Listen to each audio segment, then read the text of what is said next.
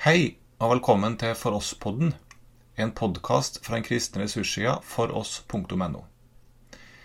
Denne episoden er opptak fra bibelkurs på Fjellheim kurs- og misjonssenter fra mars 2020.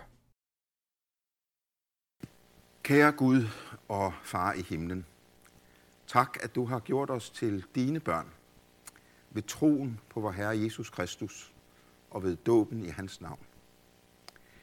Og nu beder jeg dig om, at vi som er voksne, forældre, bedsteforældre, barnearbejdere, ungdomsarbejdere, moster eller fastre, eller hvad vi er til barn, må få visdom til at oplære barnen, som vi kender, og de unge, vi kender i den kristne tro.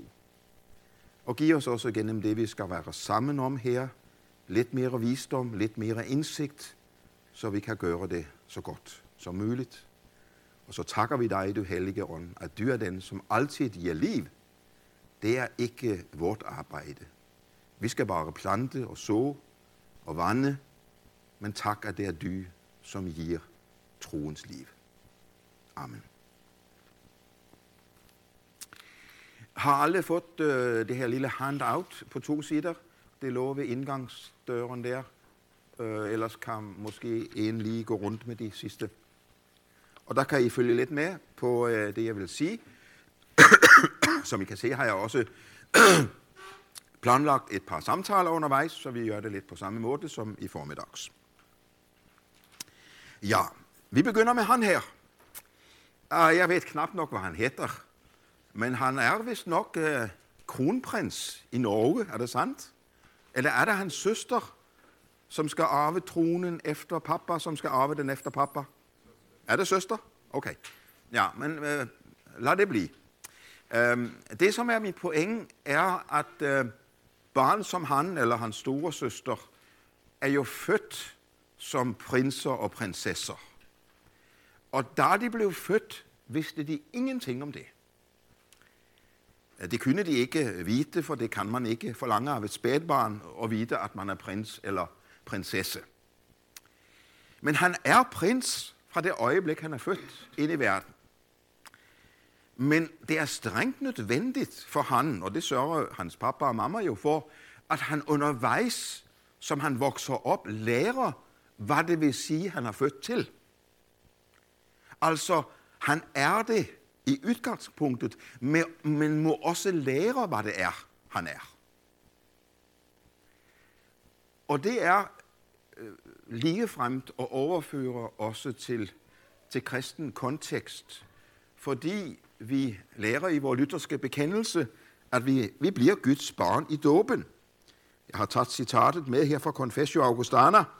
Citat, om dåben lærer de, at den er nødvendig til frelse, og at Guds nåde tilbydes ved dåben, og at barn bør døbes, i det de når de ved dåben er overgivet til Gud af ham. Af ham. Så det bekender vi med vores lytterske fædre, at vi i dåben øh, gis troens liv. Jeg ved godt, teologerne diskuterer, om dåben så er nødvendigvis genfødende, og det er sådan nogle detaljer, dem kan vi tage en anden gang. Men, men her tager jeg afsæt i det forhold, at det i hvert fald er øh, sådan den, den, den øh, lige fremme forståelse, at dåben fører os ind i Guds riget. Så et lille barn, som vi bærer til dåben, er prins og prinsesse af den himmelske konge. For det må man jo være, når man har en pappa til konge. Gud som konge, så må man jo være prins eller prinsesse. Men nøjagtigt som han og hans store søster må lære, hvad det er at være prins og prinsesse, må også vore barn, som bliver Guds barn, prinser og prinsesser i hans rike, oplæres til at blive, hvad de allerede er. Ja vel, så er der nogen, som tager vejen bort fra den Gud, som de blev døbt til, og som må vende om igen. Men i udgangspunktet med de små barn, så handler det altså om at lære, hvad man allerede er. Og der møder Gud ikke os i så henseende øhm, umiddelbart. Altså han møder os ikke ude i det himmelblå. Han kommer ikke til barn sådan ud af det himmelblå, eller i natlige drømme, eller ja, det kan han gøre, for han kan jo gøre alt, hvad han vil. Men Gud er middelbar. Han bruger midler til at formidle sin oplæring af de, som er blevet hans barn i dåben. Og de midler, som Gud bruger i den sammenhæng, det er blandt andet os voksne, som har fået ansvar, mere eller mindre ansvar. Måske er du fader. hedder det på norsk også at være fader. Fader hedder det på dansk. Fader. Fader øhm, til et, et dåbsbarn, eller du selv er pappa eller mamma, eller du er bedste øh, mamma eller bedste pappa, øhm, så, har du, så er du et af Guds midler for at lade denne oplæring finde sted for dåbsbarnet. Og at Gud er middelbar, ja, det ser vi også derved, at han bruger nåde midlerne i denne oplæring. Dåb, natvær og ordets forkyndelse. Vi er klassisk lutherske i denne tænkning. Gud bruger midler, og den sidste middel, det at lade ordets forkyndelse, det er altså også en del øh, af det, som oplæringen handler om. Og det handler alt sammen om det, vi sang om før, hvor stort at jeg for, Guds, forvarer Guds barn. At jeg får lære, lov at høre Kristus til at være hans søster og hans bror og Gud vor far. Det er det alt det, som vi skal prate om nu, tager sigte på. Og den oplæring, som vi altså på forskellige måder, som forældre, måske som lærere på en kristen skole, til en vis grad også som bibelskolelærer på det her sted, selvom det bliver lidt anderledes, når man bliver 18 år og bliver selvstændig og voksen. Men i hvert fald for, for barn op til 18 års alderen, øh, der kan vi prate om, at der er et indhold i oplæringen, som er dette. Jeg har denne inspiration stærkt fra Njol Skrynes, som er en, øh, en øh, religionspædagog, som jeg har lært at kende på Lærerakademiet, og som er pensionist nu, men har skrevet mye om dette. Han samler, øh, ikke særlig originalt for andre før ham har tænkt de samme tanker, men han samler oplæringens indhold i to centre. Oplæringens indhold er for det første Guds handlinger i historien. Møder tanken i salme 78, hvor der tales vældig mye om at lade barnene lære, hvad Gud har gjort i historien, og fortælle det til barnene så de kan lære deres barn om, hvordan Gud handler i historien. Og for det andre, i jeres papir har jeg, har jeg her skrevet, øh, jeg tror, jeg har skrevet Guds ord eller Guds vilje. Jeg foretrækker nok egentlig, når jeg nu satte og tænkte efter, at sige Guds sandhed i historien. Det er det andre, som barn må lære. Om Guds handlinger, hvad Gud har gjort, vi, vi kalder det jo en printer i Danmark, men på norsk hedder det en skriver. Og vi, vi downloader og uploader, I laster ned og laster op. Ja, jeg har lært det. I er stolte af jeres språk i Norge. Det kan jeg godt misunde jer lidt. Ja. Ved I for øvrigt, hvad, hvad Limfjorden heter på norsk? Klisterkanalen. Ja, parentes slut. Vi går tilbage til uh, oplæringens indhold. Den er altså samlet om disse to centre, bibelhistorien og katekismus. Og så er vi tilbage igen på den, den klassisk øh, lutherske øh, spor, for det var jo en af de ting, som Luther gjorde vældig mye ud af. Han satte nogle af datidens fremmeste øh, grafikere til at lage illustrationer til sin katekismus. Og det skulle være bibelhistoriske illustrationer. Kranak, som var det ypperste, man kunne opnå i Europa af grafikere eller øh, sådan folk, der kunne noget med, med, med det der illustrativ. Og derfor var Luthers første katekismer illustreret. Øh, og da vi derfor for nogle år siden øh, etablerede et katekismusprojekt, øh, så lagde vi både en tekstudgave, det er den, jeg står med her, og som også kan købes i bogsalvet, men vi lagde også en illustrativ udgave i god pagt med den lutherske tanke om, at Bibels historien øh, skal kombineres med katekismus indholdet. Og øh, det kunne vi så prate mye mere om, men jeg synes faktisk, der er en hjælp for mig, når jeg tænker i det her. Jeg skal oplære barn, mine egne barn. Jeg har nu i, jeg har 50 års jubilæum som barnearbejder i år. Jeg begyndte, da jeg var 15 år. Jeg er for tre dage siden blevet øh, 65. Så jeg har fejret i år 50 års jubilæum som, som kristen barn- og ungdomsmedarbejder. Og der har det været godt for mig i disse mange år, både mine egne barn og med, med dem, jeg har der, og dem, jeg har haft i, i kristne skoler. Jeg har været lærer der i nogle år. Og tænke i de her to ting. De skal lære bibelshistorien, og de skal lære katekismus. De skal lære indholdet, samlet i denne unikke, som er imponerende, at denne katekismus, som vi så har givet en opdatering, og derfor hedder den katekismus Updated, øh, men at den har holdt sig i nær ved 500 år som en, en formidlingskerneformulering øh, om, om, hvad den kristne tro består i. Om bydene, om fadervor, om sakramenterne, og I, I kender øh, vejen igen. Trosbekendelsen.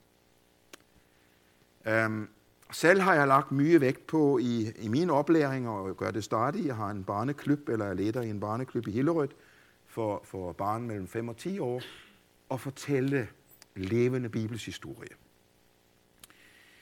Øh, det har en særlig relevans i vores tid, hvor barns liv er fyldt med så mange skærmer.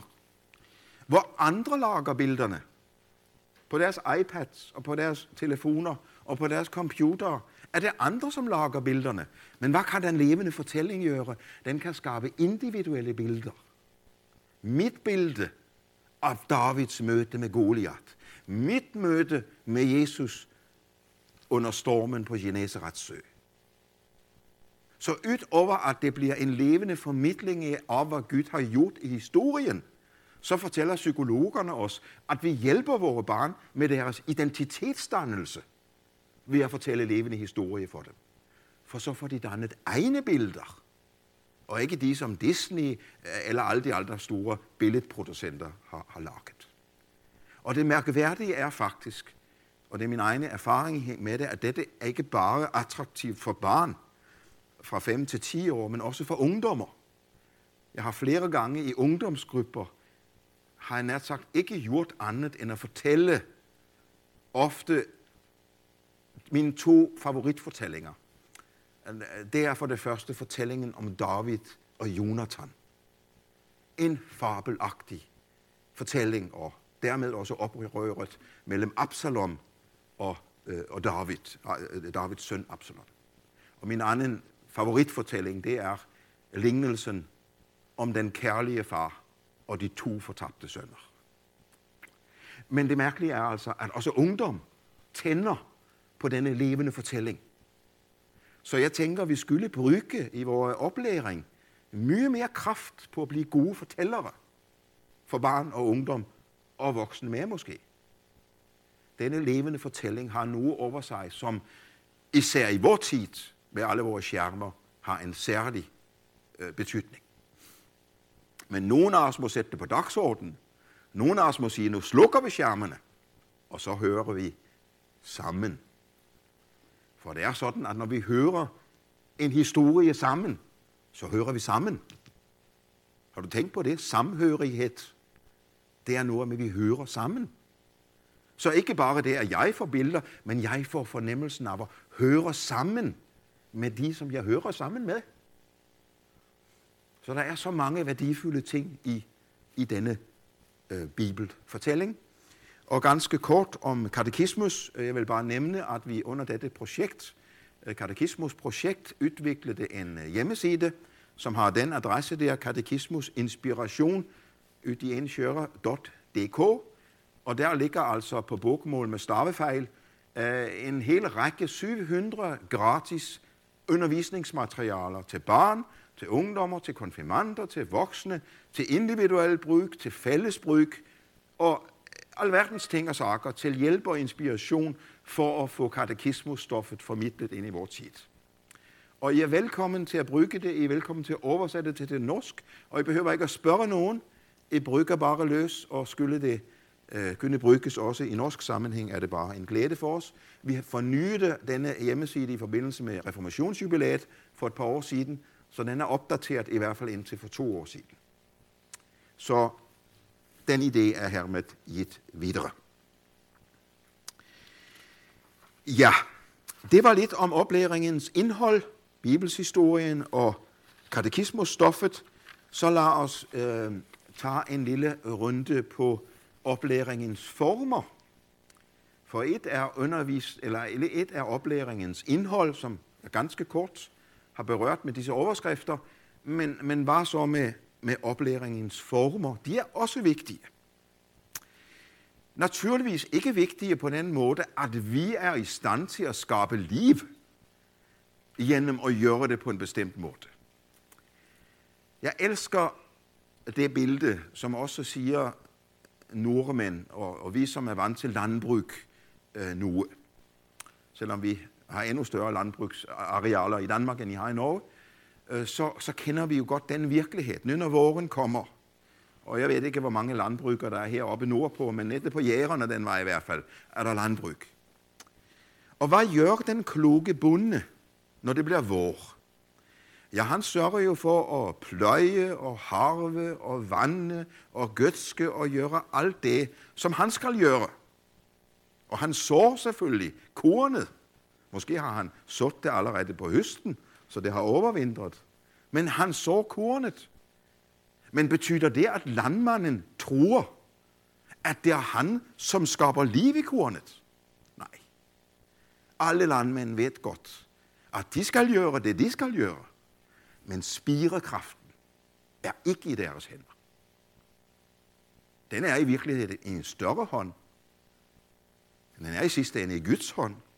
Men også den bonde, som ikke er truende, ved godt, at han kan ikke få kornet til at spire ligegyldigt hvor mye han vandrer, eller gødsker, eller gør ved. Og se, sådan er det eksakt med oplæringen. Det er ikke os, som giver ordet liv, men vi har vort job at gøre, sådan som landmanden har sit job at gøre. Og det skal vi gøre som vidtighedsfyldt. For landmanden siger jo heller ikke modsat som så, okay, jeg kan jo ikke give, give, give liv, så jeg bliver bare liggende hjemme på sofaen, og så når jeg synes, det er lidt godt vejr, så går jeg og spreder lidt korn, og, og så går det nok fint. Nej, han gør sit job. Velvidende, at ynderet er en andens job. Og se, sådan er det og oplære barn og ungdom i den kristne tro. Vi gør, hvad vi skal. Og det er en stor nåde, at Gud har sat os til at være med i det projekt. Han kunne have jo sat engle til det. Han, som kan gøre, hvad han vil. Jamen, tænk så fantastisk, at han tog ufuldkommende, begrænsede mennesker til at være sine medarbejdere, sine midler, for at denne tro kan vokse og leve i barnet. Man kan vælge at blive lidt tynget ned af den store opgave, men man kan jo også vælge at blive beæret, at Gud har valgt os, begrænsede, ufuldkommende, til at være de, som skal gøre landmandens job. Og så siger han, ro på, ro på, det er mig, som giver livet. Og derfor er det selvfølgelig altid også i oplæringssammenhæng det gamle motto, arbejd og bed, eller bed og arbejde. Ora et labora. Så det er sagt som, som øh, introduktion til denne her lille prat om oplæringspyramiden. Jeg har udviklet denne pyramide i, gennem nogle år, øh, og finder, at den kan være en hjælp til at forstå de forskellige formerne, som er i det at oplære barn og ungdom i troen. Ikke sådan forstå, at disse syv elementer øh, af oplæringen er hermetisk artskilt, derfor er der stiplede linjer, fordi det flytter ind i hver andre, men for vores hoveder kan det være godt nogle gange at have øh, nogle ord at sætte på, Øhm, og de kan i praksis komme i andre rækkefølger, men princippet i dette er alligevel, og det er vigtigt, og denne oplæringspyramide, den hviler ikke på ordene, som er i toppen, men på det levende liv, som er i bunden. De tre nederste etager, repræsentation, deltagelse og indøvelse, det er det levende liv. Det øverste fra samtaler op, det er ordene, som er uundværlige. Hjemme i Danmark har vi haft en mani med at citere Frans Assisis, og jeg håber virkelig ikke, Frans Assisis har sagt noget så forkert, som at vi må forkynde Guds ord, og om nødvendigt bruge ord. Det bliver Frans Assisi citat for i Danmark. Jeg ved ikke, om det citat er løs i Norge. Så vidt jeg ved, har Frans Assisi ikke sagt det. Tak og lov. For det er ikke sandt. Man kan ikke oplære uden ord. Det har Gud. Det har Gud arrangeret. Men der er et point i, at det er ordene, som ligger i toppen af denne øh, tænkning, mens det levede liv, som er så afgørende for barn og ungdom, er bunden. Jeg skal prøve at gengå ganske kort, hvad jeg mener med disse syv udtryk. Repræsentationen, som ligger netterst, er selve det forhold, at barn, det ved vi fra religionspsykologien, at barn danner deres første billeder af, hvem Gud er, ud fra deres to, en, to eller måske tre, men oftest to nærmeste omsorgspersoner. I langt de fleste tilfælde, pappa og mamma. De første billeder af, hvem Gud er, har vi alle. Også om Gud har været fraværende. Men dem har vi fra, fra pappa og mamma. Og det kan man jo igen vælge at blive vældig tynget ned af. Øh, men, men sådan er det altså. Og det har at gøre med, at barn kan jo ikke danne billeder eller fornemmelser eller læring, uden at have noget konkret at forholde sig til. Og derfor er vi repræsentanter for Gud, hvad enten vi bryder os om det eller ej. Altså inden vi overhovedet er begyndt at tænke på alt det, som ligger højere oppe, så er vi i kraft af, at vi er pappa og mamma. Repræsentanter for Gud. Så bliver det jo vældig, vældig vigtigt, at når man bliver ungdom, at så får man skiftet den kødelige pappa ud med den rigtige pappa i himlen. Og det er faktisk netop det, som går galt nogle gange, fordi nogen barn ikke får skiftet ud den kødelige pappa med den himmelske pappa. Men man er nødt til at begynde med den ufuldkommende pappa eller mamma, for at danne de første bilder af, hvem Gud er. Dernæst følger deltagelsesniveauet.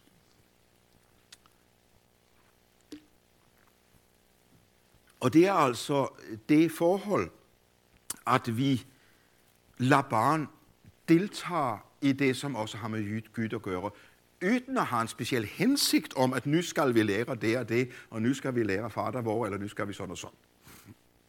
Men selve det forhold, at barn lever og deltager i noget, som har med Gud at gøre. Det kan være en andagt efter aftensmåltidet. Det kan være en bøn ved sengen. Men det er i endnu højere grad det levede liv fra pappa og mamma. Som for eksempel ytrer sig i gæstfrihed. Som ytrer sig i omsorg for den svage næste. Som ytrer sig i, at man tager sig af den enlige mor, den enlige mamma, som, som man, måske hun trænger lidt hjælp til rengøringen. Det ser barn, og de lærer, at det hænger sammen med fars og mors tro på Gud, at man tager sig af svage med mennesker. Det har også den, kan man sige, negative konsekvens, at barn altid, som det også er med, for øvrigt med os voksne, lærer mye mere af det, vi ser ske, og det, der bliver gjort, end det, som bliver sagt. Så derfor, om man lærer sine barn, at man må ikke lyve, hedder det på norsk, lyge, lyve, ja. Man må ikke lyve, men når pappa og mamma og fire barn om sommeren skal til Legoland nede på Jylland. Eh, kender I Legoland? Ja, okay. Så kommer man til indkøringen der, og pludselig øh, finder pappa ud af, at hvis han gør alle barn to år yngre, så kan han spare 150 kroner på indgangsbilletterne. Hvad? Hvad lærer barn da? De lærer, far må godt lyve hvis han kan spare 150 kroner. Og så kan far prædike op af stolper og ned af døre om, at man ikke må lyve. For barnen har lyrt ham. Det må man godt, hvis man kan spare 150 kroner. Det fortæller noget om det vældig basale forhold, at når vores ord og vores levende liv kommer til at stå i modsætningsforhold til hverandre, så tager barnen, som vi voksne for øvrigt også gør, altid efter det levende liv. Det tæller mere end de korrekte ord. Og især i mye ordrige miljøer, som vi jo er, som banditter og lyttersk missionsfolk og den slags, vi har i hvert fald mange af os mange ord. Jeg tænker, at vi nogle gange i oplæringen af barnene kunne skrue lidt ned for ordknappen, og så lidt op for det levende livs knap. For det, det tæller på den lange bane. Det sætter præg på den lange bane. Og derfor er det sandt at sige, at al barneopdragelse er i sidste ende voksenopdragelse. Det handler om, hvem vi er, og hvordan vi lever. Ordene kan ikke undværes, men det spiller på denne måde. Så kommer vi til det tredje niveau med en øvelse, og vi er stadig på handlingsniveau. Men der er vi altså over i et felt, hvor vi har en mere intentionel øh, indgang til det. Vi har en intention om at lære barnene fader vor, eller lære, hvornår man rejser sig op i kirken eller i bedehuset. At man lærer øh, forskellige ting, som er vigtige traditioner, lærer, hvad påske er, lærer, hvad jul er, eller lærer, som vi pratede om ved et af måltiderne her, som jeg synes er en vældig vigtig ting, at lære barn at slå korsets tegn. Det er for alt i verden ikke noget, katolikkerne må have øh, patent på. Luther lader vældig stor vægt på korstegningen. Fordi barn, såvel som voksne, kan have brug for dette konkrete. Vi indøver det at slå korsets tegn. Man kan gøre det, inden man lægger sig til at sove. Eller jeg gør det altid, når jeg har været til natvær. Så rejser jeg mig op, og så slår jeg korsets tegn, for at minde mig selv om, at jeg er et korsmærket menneske. Min forstand, mit hjerte og mine hænder er korstegnede af ham. Det er indøvelse. Det er det, vi gør, og der kan nævnes mange andre ting. Og især i en tid, hvor traditionerne er under forfald, og barn og ungdom får mye lidt for ærerne gennem tradition og, og ritualer, er det vældig vigtigt med disse indøvelser, også af konkrete forhold, som nævnt her. Og disse tre lag i pyramiden, repræsentation, deltagelse og indøvelse, er altså fortrinsvis handlinger, selvfølgelig også kombineret med ord, øh, som er så at sige bunden af oplæringspyramiden. Jeg fik en reaktion fra en kvinde, en gang jeg fremlagde denne model, og hun kom op til mig efterpå og sagde, jeg er så lettet over at have hørt det her, for jeg synes, jeg synes, jeg er så dårlig til det med ordene. Jeg, jeg er så svært ved at sige noget om Gud. Og hvis jeg egentlig siger noget, så kommer jeg til at sige noget forkert. Så for hende var det en vældig lettelse at forstå, at selvom hun var lidt svag på ordene i toppen, så var bønnen det, som det hviler på, det levede liv. Ordene kan ikke undværes, men altså, der er bund og top. Og så kommer ordene altså, som også er strengt nødvendige, først samtale. Jeg minder om, at en samtale er kendetegnet ved, at den voksne ikke snakker hele tiden. Vi tror, vi samtaler med børn, når vi taler dem. Og man er også vældig uklog, om man ikke lytter til barn. Uha, hvor har jeg lært mye om troen og om livet ved at lytte til barn. Så ikke bare for barnens skyld, men også for din egen skyld skal du holde munden lukket og lytte. Spørge interesseret. Lad barnet fortælle. Lad barnet komme frem. Og ikke altid bare der, bum, med det svar. Men, men nogle gange bare lad det komme frem. Måske en frustration, måske en vrede, måske en glæde, som du ikke behøver sådan at kontrollere, at den er rigtig, og den er forkert, og den er sort, og den er hvid. Men bare lad det komme og være med i denne samtale med barn. Det er vældig, vældig vigtigt, også oplæringsmæssigt. Det er ikke altid så nemt at få til at, at fungere. I vores familie øh, er der en situation, som har været optimal for vores samtale med vores barn, om tilværelsens to mest intime temaer, nemlig sex og Gud. Det er de to mest intime ting, vi skal prate med barn om. Det er seksualiteten, som vi også skal prate med dem om, og så det med Gud. Der, hvor det har spillet bedst i vores familie, har været i en mørk bil mellem Jylland og Sjælland. Og vi har heldigvis boet i Jylland og skulle rejse mye til Sjælland. Nu bor vi på Sjælland og har skulle rejse mye til Jylland. Og sådan en mørk bil, en sådan tidlig aften, inden børnene er faldet i søvn om på bagsædet, der har vi haft nogle prat om det med sex og det med Gud. Og det har været godt. Der kan man sidde lidt i mørke, og ingen ser, at man bliver rødt, eller man skammer sig lidt over at spørge. Og man kan få denne, denne prat, denne samtale, som også giver en, en, en fornemmelse af noget intimt på den gode måde. Så forsøg, der hvor I har med barn at gøre, forsøg at få samtalen til at spille. Læg lidt op, spørg lidt, vær lidt nysgerrig, vær lidt interesseret, og husk for alt i verden at holde din mund og lytte. Og så skal du selvfølgelig også byde ind, klart. Men jeg tror, at vores fare som voksne især er at prate for mye.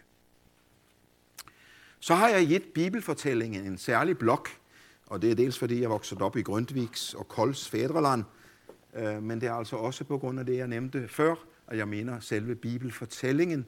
Og det er altså også yten, at nu skal vi så lære af Ryt, og nu skal vi så lære af David, at bom, bom, bom, bom. Det kan man godt gøre. Men bibelfortællingen i sig selv, det er bare dette at blive lukket ind i fortællingens rum som der er noget magisk over. Jeg har, jeg har et rørende eksempel på det fra mit eget liv som kristendomslærer. Jeg var i seks år øh, lærer på en kristen friskole i København, og har det kristendomsundervisning og har det mye bibelfortælling med disse barn. Mange af dem kom ikke fra troende hjem, så det var jo en åbenbaring for dem at høre alle disse fortællinger. Og så har jeg det sådan med den klasse, at vi, vi bare, øh, de kunne have lov at nævne enkelte ting, som vi kunne bede for i starten af timen. Og så har det jeg i, i den foregående kristendomstime haft om Davids fald i synd med Batseba. Og så kommer vi til næste kristendomstime, og så rækker Katja hånden op, fordi hun har en ting, hun gerne vil, at vi skal bede om. Og hvad er det så, Katja? Ja, det er, du får bede om, at David ikke falder i synd i denne kristendomstime. ja, der måtte jeg sige til hende, det, det kunne jeg jo ikke det kunne jeg jo ikke øh, sikre mig. Men forstår I, der er der en, en jente, som har været så langt inde i det bibelske univers, så det er nytid. Og vi må nu sørge for, at det forfærdelige ikke sker igen for han David. Og det er mere Guds under, end, end det er min fortælleevne. Men så har det spilt. Så er det blevet nytid. Så er det ikke bare en fortælling fra gamle dage, så er det nu, det sker. Og det er mit liv. Og det er mig, som spejler mig i de bibelske karakterer. Og det er blandt andet derfor, det er så godt, at de bibelske karakterer ikke er svart-hvide, men er grå, som vi alle er. At en David, manden efter Guds hjerte, også har det sine fald og svagheder. At vi ikke har sådan nogle stereotyper i Bibelen, men vi har levende personligheder af kött og blod, som man kan identificere sig med så fortæl fra Bibelen. Det er så vigtigt. Og så kommer de to måske mest klassiske niveauer undervisning, som er, for at tage nogle konkrete eksempler, konfirmandundervisning, minikonfirmandundervisning, bibelklub, kristendomsundervisning på en kristen skole, til en vis grad også læsningen efter, efter øh, øh, i en andagsbog, eller hvad det kan være, Øh, hvor vi, hvor vi giver en undervisning, en indføring, hvor også tanken har betydning. Øh, vi har haft en vis tendens til i vores øh, pietistiske miljøer at, at lægge vældig mye vægt på følelserne faktisk, selvom Rosenius advarer os imod det. Så har vi lagt vældig mye vægt på følelserne, men tanken skal også have noget at fødes af. Tanken skal også oplæres, ligesom viljen også skal oplæres. Oplæringen skal række både til følelser og til tanker og til vilje. Og derfor skal den undervisning, vi giver, også appellere både til følelse og tanke og vilje. Det skal for øvrigt også forkyndelsen, som jeg sætter øverst her, og nogen undrer sig måske på det. Men det har lidt sammenhæng med, at jeg her forstår forkyndelse som det vældig specifikke, at jeg tiltaler barn med Guds ord. Det gælder dig. Det er du, som ofte føler, at øh, jeg ikke altid gjort tingene ret. Det er dig, Jesus elsker. Det er dine synder, han har båret. Det er dig, som har et håb om evigt liv. Tiltalen, jeg ved godt, man kan definere forkyndelse på mange andre måder, men her har jeg brug for ligesom at definere den som det specifikke, som er det, hvad skal man sige, allermest tydelige og allermest også etisk, øh, hvad skal vi sige, stærke del af, af formidlingen og tiltale voksne, unge, men også barn med Guds ord. Og i den helhed af disse syv elementer, og man kunne måske tilføje et ottende element, det er faktisk en nordmand, som har lært mig det, og han sagde, hvor er sangene og salmerne henne? Og jeg må give han ret. Jeg har ikke rigtig kunnet få puttet dem ind i den model. Men et eller andet sted, så er sangene og salmerne nok i virkeligheden en selvstændig og vigtig del også af den oplæringstænkning der. Så derfor må vi synge mye med barn. Også synge gode sange med gode indhold og gode melodier. Det er en vigtig ting også i oplæringen. Du har nu hørt opptak fra bibelkurs fra Fjellheim kurs- og misjonssenter. Du finner mange andre opptak med undervisning på foross.no.